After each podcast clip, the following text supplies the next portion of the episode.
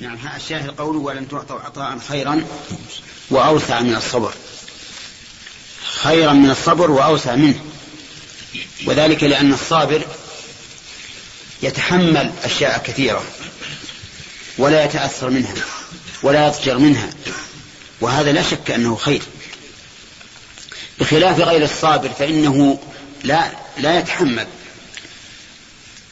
إن أصابه مرض تعب وإن, أصاب وإن أصابته حاجة تعب. وإن هلك له صديق تعب. وإن فقد مالا تعب. وهكذا. لكن إذا كان صابرا تجده دائما مطمئنا في سرور. لا يهتم بهذه المصائب لأنه يصبر عليها. وقوله ما يكن عندي ما يكن عندي من خير لا أدخره عنكم. يعني مهما يكن عندي من خير فإني لا أدخره عنكم يعني لا أستأثر به وأختص به دونكم. وهكذا وهكذا كانت حاله عليه الصلاة والسلام. يعطي العطاء ويبيت طاويا صلى الله عليه وسلم. يعطي عطاء من لا يخشى الفاقة. وقوله وإنه من يستعف من يستعف في في نسخة من يستعفف. وهذه لا إشكال فيها. لأن الفرق بينهما هو الإدغام وفك الإدغام.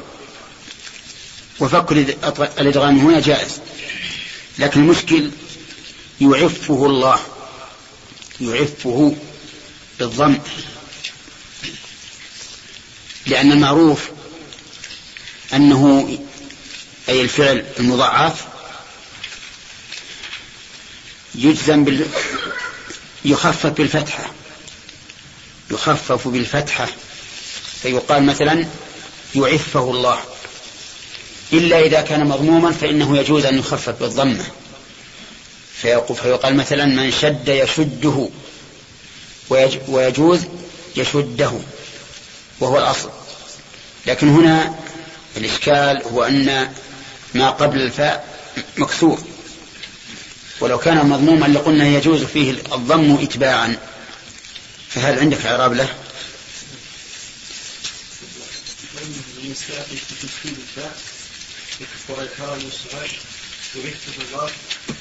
بتشديد الفاء يرزقه الله العفة بأن يعطيه ما يستغني به عن السؤال ويخلق في قلب ويخلق ويخلق في قلبه الإيمان ويبي على الحسنين من الارتفاع يستعف بسكون العين بعدها فاء خفيفة من الاستعفاء وفي الفتح وتبعه العين الكشميهني يستعفف بزيادة فاء أخرى وكذا هو في اليوم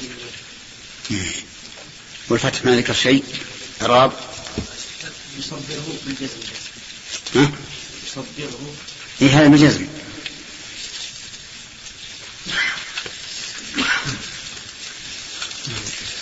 ما ذكر شيء. طيب من يستعفف يعفه الله أو يعفه الله؟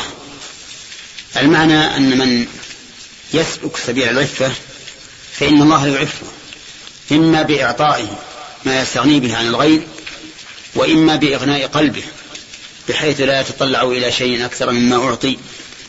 ومن يتصبر يعني على المصائب يصبره الله. ومن يتشكى يحرم الصبر.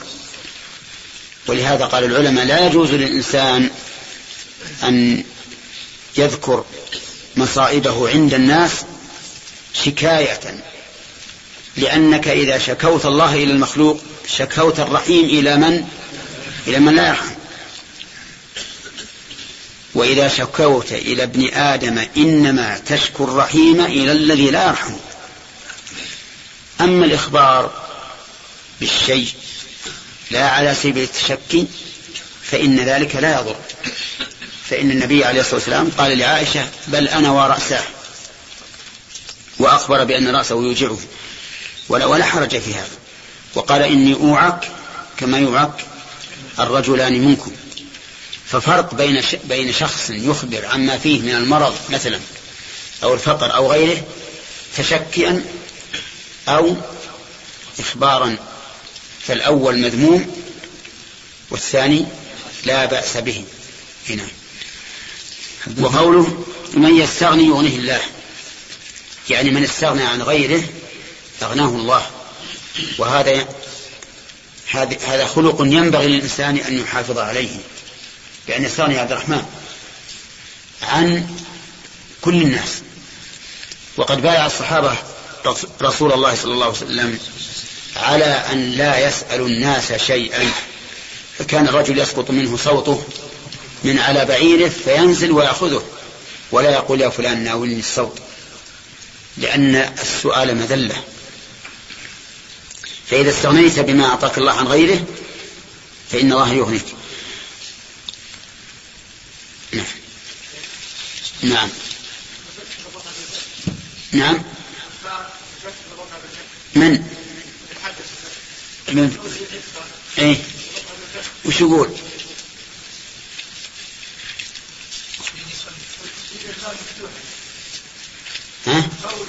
ها؟ نعم. مفتوح. إيه هذا هو القاعدة. إذا معناه نعدل اللي عندنا.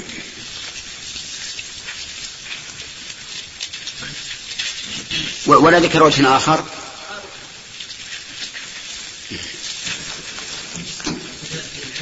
ها؟ شو ولا ذكر وجه آخر.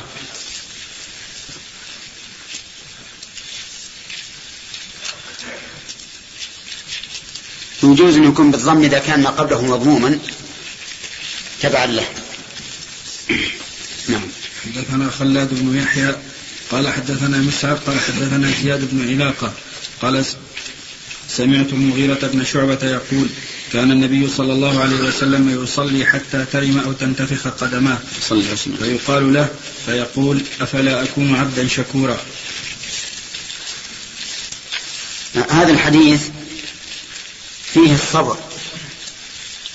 لكن الباب الصبر عن محارم الله. وهذا فيه الصبر على طاعة الله. وكأن البخاري رحمه الله لما كتب العنوان عن محارم الله ذكر أن هناك صبرا آخر أو نوعا آخر من الصبر وهو الصبر على طاعة الله من أجل أداء شكره. فالنبي عليه الصلاة والسلام كان يصلي يعني في الليل حتى ترم أو تنتفخ قدماه. فيقال له يعني كيف تفعل هذا؟ وقد غفر الله لك ما تقدم من ذنبك وما تأخر. فيقول أفلا أكون عبدا شكورا. فيكون طاعته هذه من باب الشكر لله عز وجل. وفي الحديث دليل على أن الطاعة من الشكر. ولهذا عرف بعضهم الشكر بأنه القيام بطاعة المنعم. هذا الشكر تعريف. وفي هذا أيضا دليل في الحديث دليل على أن رسول الله صلى الله عليه وسلم اختار مقام العبودية على مقام الملكية لأنه خير بين أن يكون عبدا نبيا أو أو يكون ملكا. فاختار أن يكون عبدا.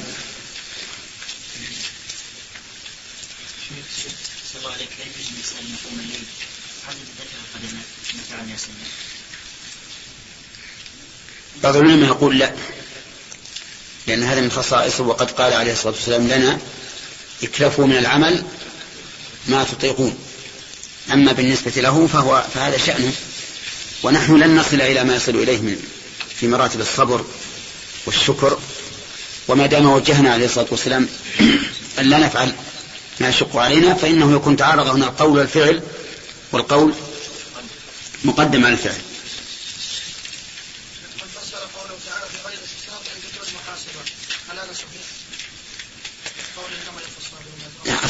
الصابر من الأصل ما في محاسبة ما يحتاج يقال.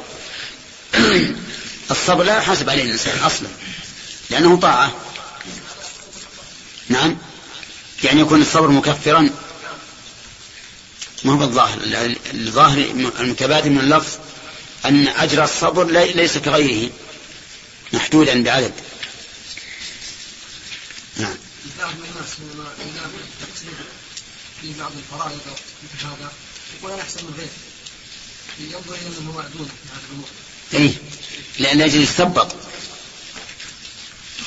لأجل أن يتثبط ففرق بين من يرى أنه في نعمة بالنسبة للطاعات التي وفق لها فيحمد الله على ذلك ويقول الحمد لله الذي لم يجعلني مثل فلان. وبين شخص يقال له اعمل الطاعة صل مع الجماعة يقول أنا أحسن من يترك الصلاة بالكلية. يقال زكي جميع, مالك يقول أنا أحسن من اللي ما يزكي أبدا. نعم. يقول لن يقول بر والديه يكون أحسن من اللي يضرب والديه. هذا ما يجوز. نعم. إحنا قسمنا قبل قليل. قلنا إذا نظر إلى من فوقه في الطاعة من أجل أن يسابقه فهذا مطلوب. إذا نظر إلى من دونه في الطاعة من أجل أن, أن يدفع اللوم عنه فهذا مذموم. إذا نظر إلى من فوقه في الطاعة نعم. نعم. إذا نظر إلى من دونه في الطاعة من أجل أن يحمد الله الذي وفقه. هذا لا بأس به. طيب.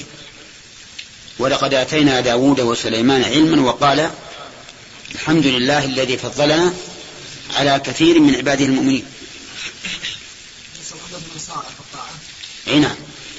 ولهذا قلنا إذا نظر إلى من فوقه من أجل المسارعة فهذا محمود. نعم. باب ومن يتوكل على الله فهو حسبه. وقال الربيع بن خثيم من كل ما ضاق على الناس حدثني إسحاق قال حدثنا روح بن عبادة قال حدثنا شعبة قال سمعت حسين بن عبد الرحمن قال كنت قاعدا عند سعيد بن جبير فقال عن ابن عباس أن رسول الله صلى الله عليه وسلم قال يدخل الجنة من أمتي سبعون ألفا بغير حساب هم الذين لا يسترقون ولا يتطيرون وعلى ربهم يتوكلون. قوله من يتوكل على الله فهو حسبه. التوكل صدق الاعتماد على الله في جلب المنافع ودفع المضار مع الثقة وفعل الأسباب المأذون فيها. تعريف طويل شوي. صدق الاعتماد على الله في جلب المنافع ودفع المضار مع الثقة. بعد وفعل الأسباب المأذون فيها.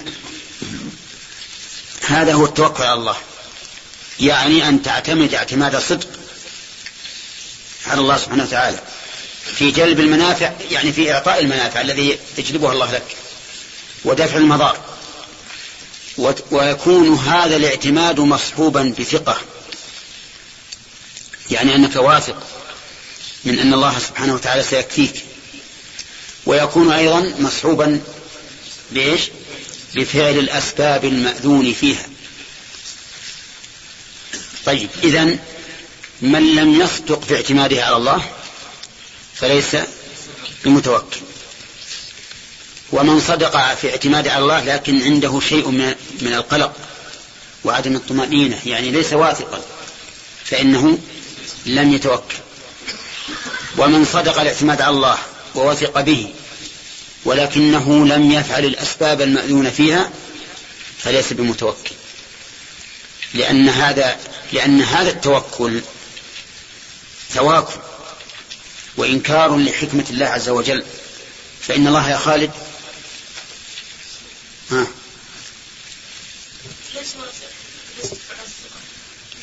إيه، حطك حط بالك تعدين الثقة.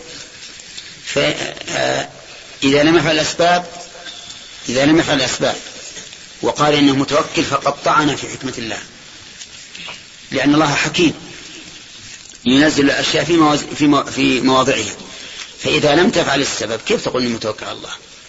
إنسان يقول والله أنا متوكل على الله أن الله بيرزقا ولكنه نائم في فراشه هل هذا صادق في توكله؟ ها؟ لا افعل السبب. افعل السبب. صحيح ربما إن الله يرزقك يموت لك قريب غني ويحصل لك رزق لكن هذا خلاف الأصل. كذلك أيضا رجل يقول أنا متوكل على الله بأن الله سوف يأتي لي بولد صالح. يقول تزوج. نعم. يقول تزوج. يقول بعدين. هل هذا صادق في اعتماده ليش؟ ما فعل السبب. لا بد أن يفعل السبب. إنسان قال أنا متوكل الله بأني سأكون عالما. ولكنه ممضي وقته باللعب. ها؟ صحيح توكله؟ ها؟ لا. مو صحيح. إذا لابد من فعل الأسباب المأذون فيها. إذا تمت هذه القيود الثلاثة صدق الاعتماد على الله الثقة إيه؟ فعل الأسباب المأذون فيها. فإن الله يقول فهو حسبه سبحانه وتعالى. كافيك كافيك يعني كل ما ضاق على الناس فإن الله تعالى يكفيك إياه. وهذا شيء مشاهد. شيء مشاهد في أن الله سبحانه وتعالى إذا توكل الإنسان عليه توكلا حقيقيا كفاه الله عز وجل. طيب وقد قال الله للرسول عليه الصلاة والسلام يا أيها النبي حسبك الله ومن اتبعك من المؤمنين. فالله حسب النبي وحسب من اتبعه من المؤمنين والمؤمنون متوكلون. كما قال تعالى وعلى الله فليتوكل المؤمنون. نعم. شيخ تقول النبي يقول بالنسبة للنبي عليه السلام عندما دخل على زكريا هي كانت تقول يعني يقول الإخوان يقولون ما بعد وقت السؤال. آه طيب. آه، خلي عندك أول واحد إن شاء الله. نعم. الحديث يا شيخ. شرح الحديث. اي شرح الحديث. طيب. قال يدخل الجنة من أمتي سبعون ألفا بغير حساب. سبعون ألفا بغير حساب من هذه الأمة. أمة الإجابة ولا أمة الدعوة؟ أمة الإجابة. سبعون ألفا بغير حساب. أي لا يحاسبون يوم القيامة. وقد ورد في مسند الإمام أحمد بإسناد جيد جدا أن مع كل واحد سبعون ألف سبعين ألفا. كم يكون الجميع؟ سبعين في سبعين؟ مئة وأربعين. ها؟ لا لا. أربع مليارات مليون أصبر يا جماعة. طيب أنتم اصبروا بارك الله فيك. أصبر. الآن اكتب اكتب سبعين ألف وأضرب سبعة في سبعة تسعة وأربعين.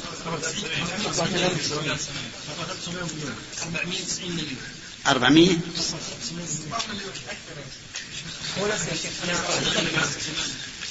أربع مليارات و900 مليون نزلت مال يا شيخ مال أصفار طيب اصبر. كم سبعين ألف؟ كم صفر؟ أربع أصفار. أربعة أصفار وأربعة ثانية هذه ثمانية لا لا يا شيخ أكثر. فإذا ضربت سبعة بسبعة إيه. طيب. تطلع أربع مليارات 900 مليون إيه. صحيح؟ إيه. طيب الحمد لله. هذه نعمة. نعمة الله. طيب قال هم الذين لا يسترقون. انتبه. أي لا يطلبون من غيرهم أن يرقيهم. وأما ما جاء في صحيح مسلم لا يرقون. فهذه الرواية منكرة. منكرة. يعني لا, لا, لا تعتمد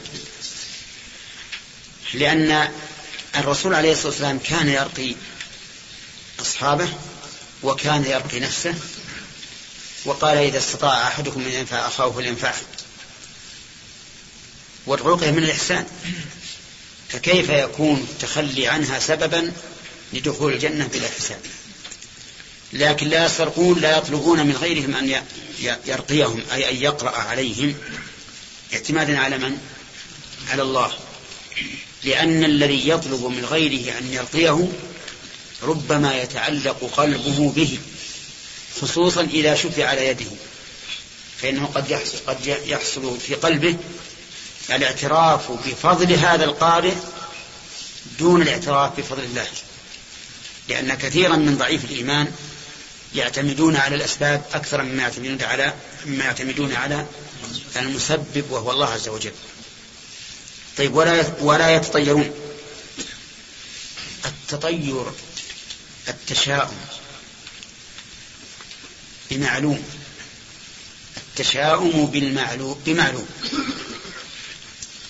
إما مرئي أو مسموع أو زمان أو مكان. هذا التشاؤم هذا الطير وأصله من الطير لأن العرب كانت تتشاءم بالطيور. إذا رأت الطير حينما نهض في الطيران ذهب يمينا تفاءلت يسارا تشاءمت أماما لها اعتقاد آخر وخلفا لها اعتقاد آخر. تتشاءم بالطيور. فلهذا سميت الطيرة. لكن المعنى العام تعريفها هي التشاؤم؟ بمعلوم مرئي أو مسموع أو زمان أو مكان. طيب المسموع مثل أن يسمع الإنسان صوتا صوتا فيتشاءم منه. رجل أراد أن يذهب إلى عمل ما. لما شرع في العمل سمع صراخا. تشاءم. لأن الصراخ ما يأتي إلا بمصيبة. إذا اترك العمل هذا صوت. سمع البومة تصرخ على بيته. تشاءم قال خلاص انتهى. انتهى. أجلي ولا أجل أهلي؟ ليش؟ لأن البومة صرخت على البيت. والبومة ما تصرخ على البيت إلا تنعي صاحب البيت أو أهله. فيتشاءم نعم. والبومة يقولون إنها إذا صرخت ليلا فحسب اعتقادهم فإن كانت إن كان أحد له قتيل قالوا هذه روح القتيل خرجت من قبره تنعى القتيل وتقول لأهله خذوا بالثأر خذوا بالثأر إذا لم يكن قتيل قالوا هذه تنعانا هذا صوت ولا ولا مرئي؟ صوت. المرئي إنسان خرج لعمل ما. فأول ما لاقاه الشخص مريض قال خلاص هذا العمل باطل. لأن الذي لاقاني شخص مريض. لاقاه رجل أعور. قال خلاص اليوم ما في خير. يعني أول من لاقاني رجل أعور. حتى أنه كانوا في بعض البلاد أول ما يفتح الإنسان إذا جاء رجل أعور أعطاه أعطاه الشيء بدون بدون بدون مقابل بس قال فكا لا لا أشوفك. خذ هذا الشيء بدون مقابل. وإن و... وعلى كل حال يعني العرب عندهم جهل عظيم يتشائمون بهذه الأشياء. طيب بالزمان كانوا يتشائمون في شهر صفر.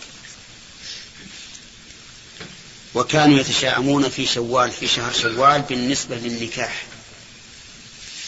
واللي يتزوج في شوال ما يوفق. وكانوا يتشاءمون أيضا بيوم الأربعاء. كل هذا من الجاهلية. كانوا يتشاءمون بالأنواع. يعني أنت ولدت في أي في أي نوع؟ قال في النوع الفلاني. في أي برج؟ في البرج الفلاني. قال نوع كذا وبرج كذا تقابلا فتناطحا فهلك. نعم؟ وعلى هذا فقس. ولذلك يوجد في مع, مع الأسف في بعض الجرائد اللي تخرج الآن يوجد يكتبون جدول. نعم؟ جدول. الجدي. إي نعم. كل هذا من من التطير. هذا بالزمان. في المكان أيضا بعض الناس يتطير بالمكان. دخل من عند الباب. فلما دخل من الباب غفل فضربه الباب. عضادة الباب ضربت وانجرح قال خلاص هذا مكان مشؤوم. ما أدخل فيه. كل هذا خلاف الشرع حتى أن الرسول عليه الصلاة والسلام قال ليس منا من تطير من تطير. وهذا يدلنا على أن دين الإسلام ولله الحمد يريد من الإنسان أن يكون دائما في إيش؟ في سرور. ما يتشائم بمثل هذه الأمور ولا يتبع نفسه إياها. يكون دائما مطمئن ما في التشاؤم فالذين لا يتطيرون من الذين يدخلون الجنة بلا حساب. الثالث قال وعلى ربهم يتوكلون. هذا الشاهد من الحديث. على ربهم لا على غيره. والجملة هذه كما تشاهدون فيها حصر. ما طريقه؟ أه؟ ما حقه التأخير. فهي من جنس إياك نستعين. قدم فيها المعمول. على ربهم يتوكلون يعني لا على غيرهم. في هذا السياق الذي ساقه المؤلف رحمه الله مختصر مختصر مختصر مقتصر. مختصر لأنه كان مطولا فإن الرسول لما أخبر بهذا جعل الصحابة يبحثون من هؤلاء. حتى خرج عليهم النبي عليه الصلاة والسلام فأخبروه فقال هم الذين وهنا ليس فيه ذكر هذا. وفيه أيضا اقتصار لأنه بقي عليه وصف رابع من الذين لا يدخلون الجنة بلا من الذين يدخلون الجنة بلا حساب ما هم؟ أنهم لا يكتبون يعني لا يطلبون من أحد أن يكويهم لأنهم لا يريدون أن يستدلوا لأحد لا, لا بالرقية ولا بالكي. طيب ولا يكون. ها؟ لا. هذا لا يضر. هذا من الإحسان. وقد كوى النبي عليه الصلاة والسلام سعد بن معاذ في أكحله. فهناك فرق بين الذي يكوي والذي يكتوي الذي يكتوي هو الذي يطلب الكي وأما الذي يكوي فهو يفعله بغيره. نعم. بالنسبة للتوكل مريم عليه السلام كانت كلما دخل في المحراب وجد عندها رزق نعم. كانت بدون أسباب يعني اي نعم وقالت ان الله يرزق من يشاء بغير حساب نعم هل هذا هو التوكل يعني لا هذا من باب الكرامة. ولهذا زكريا استغرب. وقد ذكر بعض المفسرين أنه كان يجد عندها فاكهة الشتاء في الصيف وفاكهة الصيف في الشتاء. فهذا من باب الكرامة التي لا تدخل في في قدرة الإنسان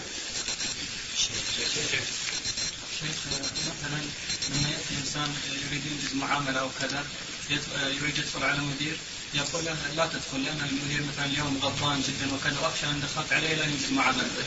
طيب أو مثلا ذهبت ولم تصلي صلاه الفجر. طيب اخشى أقول ربما يعني لا تنجز معاملته أو كذا. شلون؟ فرق بين المساتين. ما يصلي الفجر لأنه لو صلى ما أنجز معاملته. تقول هكذا أنت؟ لا أقصد يعني مثلا الأولى. المسألة الأولى ما فيها تطير. قيل لك إن, إن, إن المدير غضبان وأنك لو دخلت عليه يمكن تكون المعاملة في غير صالحك. هذا صحيح. قال النبي عليه الصلاة والسلام لا يقضي القاضي وهو غضبان. الثاني هو الشيء الانسان يعني يحس انه بدا يعني بشيء غير طيب إنه فاتته صلاة الفجر أو كذا. فيشعر بضيق مثلا؟ هذا أيضا ما هو من باب التشاؤم. لأن هذا شيء مضى. هذا شيء مضى. وقد يكون هذا من إكرام الله للعبد أنه إذا ترك العمل الصالح رأى من نفسه ضيقا. ألم تر إلى النبي صلى الله عليه وسلم لما سلم من ركعتين من الظهر أو العصر قام إلى مقدم المسجد واتكأ على خشبة. وشبك بين أصابعه ووضع خده على ظهر كفه كأنه غضبان يعني ما انبسط ولا انشرح والحكمة إيش؟ أنه لم يتم الصلاة. فبعض الناس من توفيق الله له أنه إذا حصل خلل وإن كان لم يشعروا به وفق لانقباض في نفسه حتى ما لا يستريح حتى يكمل هذا النقص. يقصد إذا كان في نفس اليوم يريد أن يعمل معاملة من أجل قصروا عن الصلاة ما عملت هذا قصد. لا لا. يقول يقول يضيق صدره بس. يقصد عمل معاملة تعوق السبب وشلون هذا؟ سؤالك هو ما فهمت ولا ما فهمه الأخوان؟ يعني الاثنين. هذا جاب الله له أما ما أما ما, فهمته أنا أجبتك عليه. وأما ما فهمه الإخوان منك فهو قد يكون الإنسان يعاقب بعقوبة إذا ترك واجبا من الواجبات بأن لا ييسر له الأمر. ويمكن يستدل على ذلك بقوله تعالى ومن يتق الله يجعل له من أمره يسرا ومن يتق الله يجعل له مخرجا ويرزقه من حيث لا يحتسب وهذا ما هو من باب التشاؤم لأن التطير والتشاؤم هو الذي يمنعك من الإقدام. ولهذا جاء في الحديث من ردته الطيرة عن حاجته فقد أشرك.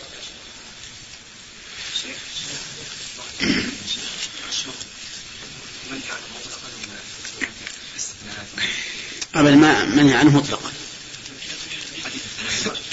أما حديث الحديث الثلاثة فأجيب عنه بأنه إن كان الشؤم وهذا الشرط لا يدل على وقوع المشروط وأما بعض الألفاظ الشؤم في ثلاث بدون شرط فهذا قيدوه بأن بأن هذه الثلاث لكثرة ممارسة الإنسان لها قد يجد فيها شيئا يتشائم به منها. وهذا يقع كثيرا. كثير ما تشتري سيارة مثلا تجد فيها بركة تبقى عندك مدة طويلة و... ولا يكون فيها خراب تقضي عليها حاجات كثيرة. تجيك سيارة مثلا تشتريها يمكن أنها أحسن من, من ذيك وأجد. وأحدث منها. وتتعبك. تتعبك. هذه تشام منها. وكذلك بعض النساء. بعض النساء إذا دخلت على الزوج أتعبت ونقصت عليه حياته ويتمنى أنه يتخلص منها. وبعض النساء بالعكس. وكذلك الدور. الدور أحيانا بمجرد ما تدخل البيت ينشرح صدرك. يفضل أنك تستأجر لك شقة. بعض الشقق من يوم تدخله ينشرح صدرك ترغب فيها. وبعضها لا بالعكس. نعم. إيه لكن ما هو بالشوم اللي بدون سبب. هذا له سبب. له سبب. لا. باب ما. نعم. باب ما يكره من قيل وقال. الصلاة والسلام على نبينا محمد وعلى آله وصحبه. قال البخاري رحمه الله تعالى باب ما يكره من قيل وقال. حدثنا علي بن مسلم قال حدثنا هشيم قال أخبرنا غير واحد منهم مغير منهم مغيرة وفلان ورجل ورجل ثالث أيضا عن الشعبي عن وراد كاتب المغيرة بن شعبة. أن معاوية كتب إلى المغيرة أن اكتب إلي بحديث سمعته من رسول الله صلى الله عليه وسلم. قال فكتب إليه المغيرة إني سمعته يقول عند انصرافه من الصلاة لا إله إلا الله وحده لا شريك له له الملك وله الحمد وهو على كل شيء قدير. قال وكان ينهى عن قيل وقال وكثرة السؤال وإضاعة المال ومنع وهات وعقوق الأمهات ووأد البنات.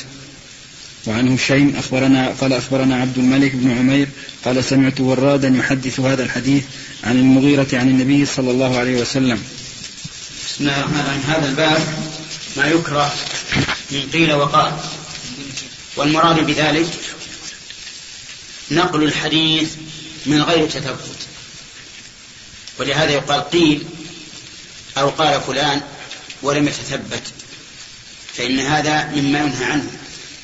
وذلك لأن الإنسان لا يخلو فيه من زلل.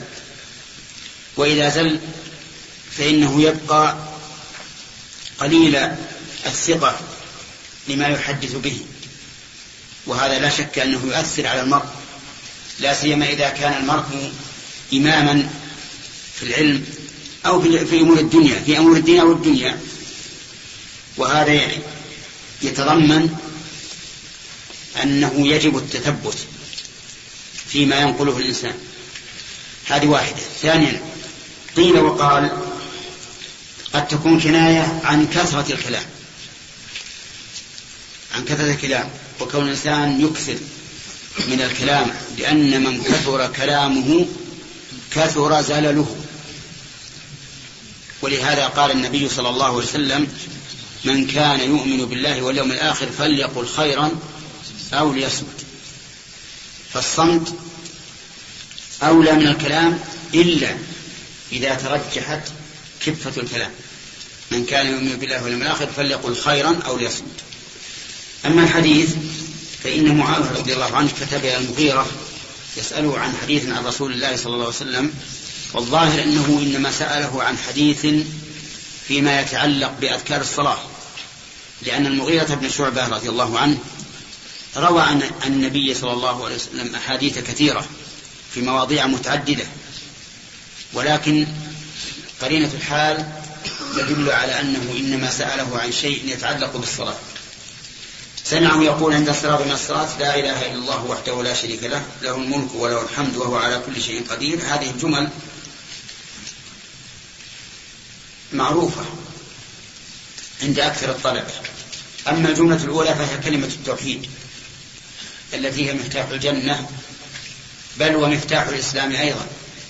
فإن من قال لا إله إلا الله عصم دمه كما يدل على ذلك حديث أسامة بن زيد في قصة الرجل المشرك الذي أدركه أسامة فلما أدركه قال لا إله إلا الله. فظن أسامة أنه إنما قالها متعوذا بها من القتل فقتله. ثم أخبر النبي صلى الله عليه وسلم بذلك فقال له أقتلته بعد أن قال لا إله إلا الله؟ قال يا رسول الله إنما قالها متعوذا. قال أقتلته بعد أن قال لا إله إلا الله؟ قال يا رسول الله إنما قالها متعوذا. قال أشققت عن قلبه؟ قتلته بعد أن قال لا إله إلا الله؟ قال إنما قالها متعوذا.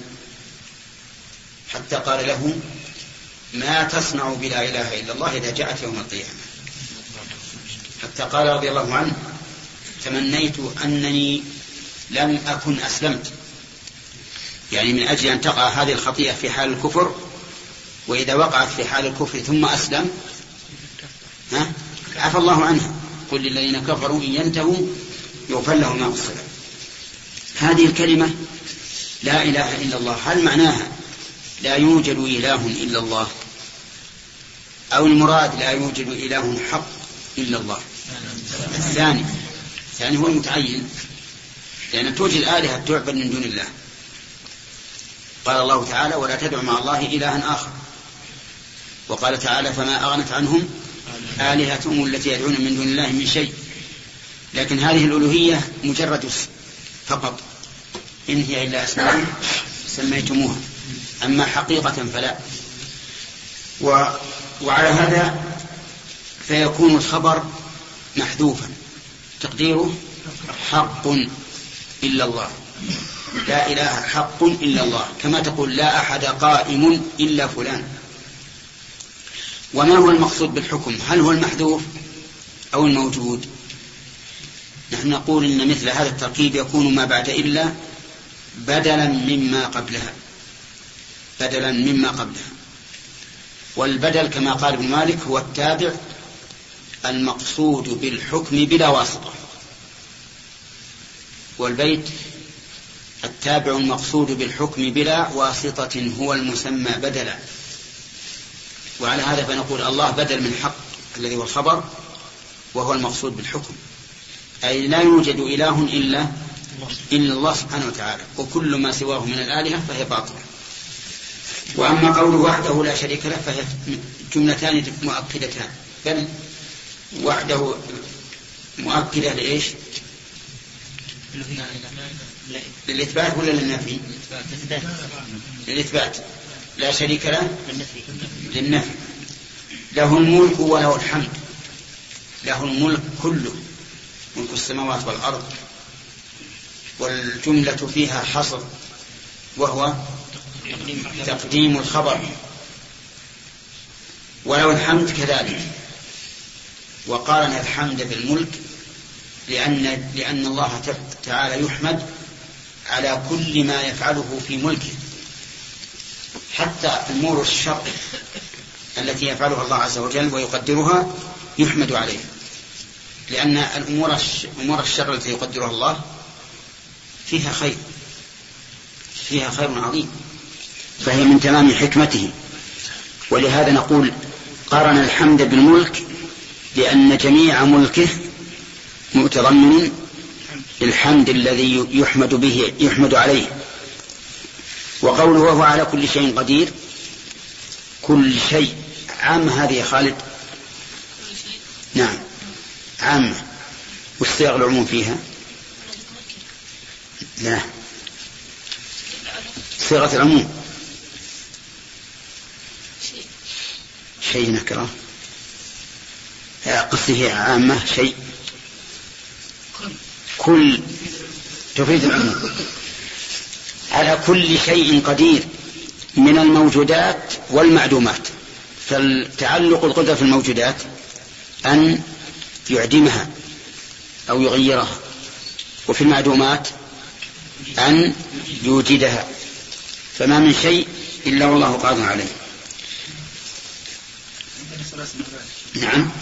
عندنا ثلاث مرات بعد, بعد كل شيء قدير إيه. ثلاث مرات. الظاهر عندي ثلاث مرات لكن مقسوم عليها لا لا توجد في بعض النسخ. لا توجد في بعض النسخ. قال وكان ينهى عن قيل وقال هذا الشاهد. وكثرة السؤال كثرة السؤال. السؤال الذي هو الاستفهام أو السؤال الذي هو الاستجداء. ها؟ نعم. طيب نشوف. الاستجداء ينهى عنه سواء كثر أم قل. كما قال النبي عليه الصلاة والسلام من سأل الناس أموالهم تكثرا فإنما يسأل جمرا. وأخبر أن المسألة كد يكد بها وجه الرجل. وأخبر أن الإنسان لا يزال يسأل حتى يأتي يوم القيامة وليس في وجهه مزعة لحم. فالظاهر أن المراد بذلك كثرة السؤال عن العلم بدليل قوله صلى الله عليه وسلم إنما أهلك من كان قبلكم كثرة مسائلهم واختلافهم على أنبيائهم وكثرة السؤال في العلم تنقسم إلى قسمين قسم أن يسأل عما لم يقع ولا يتوقع.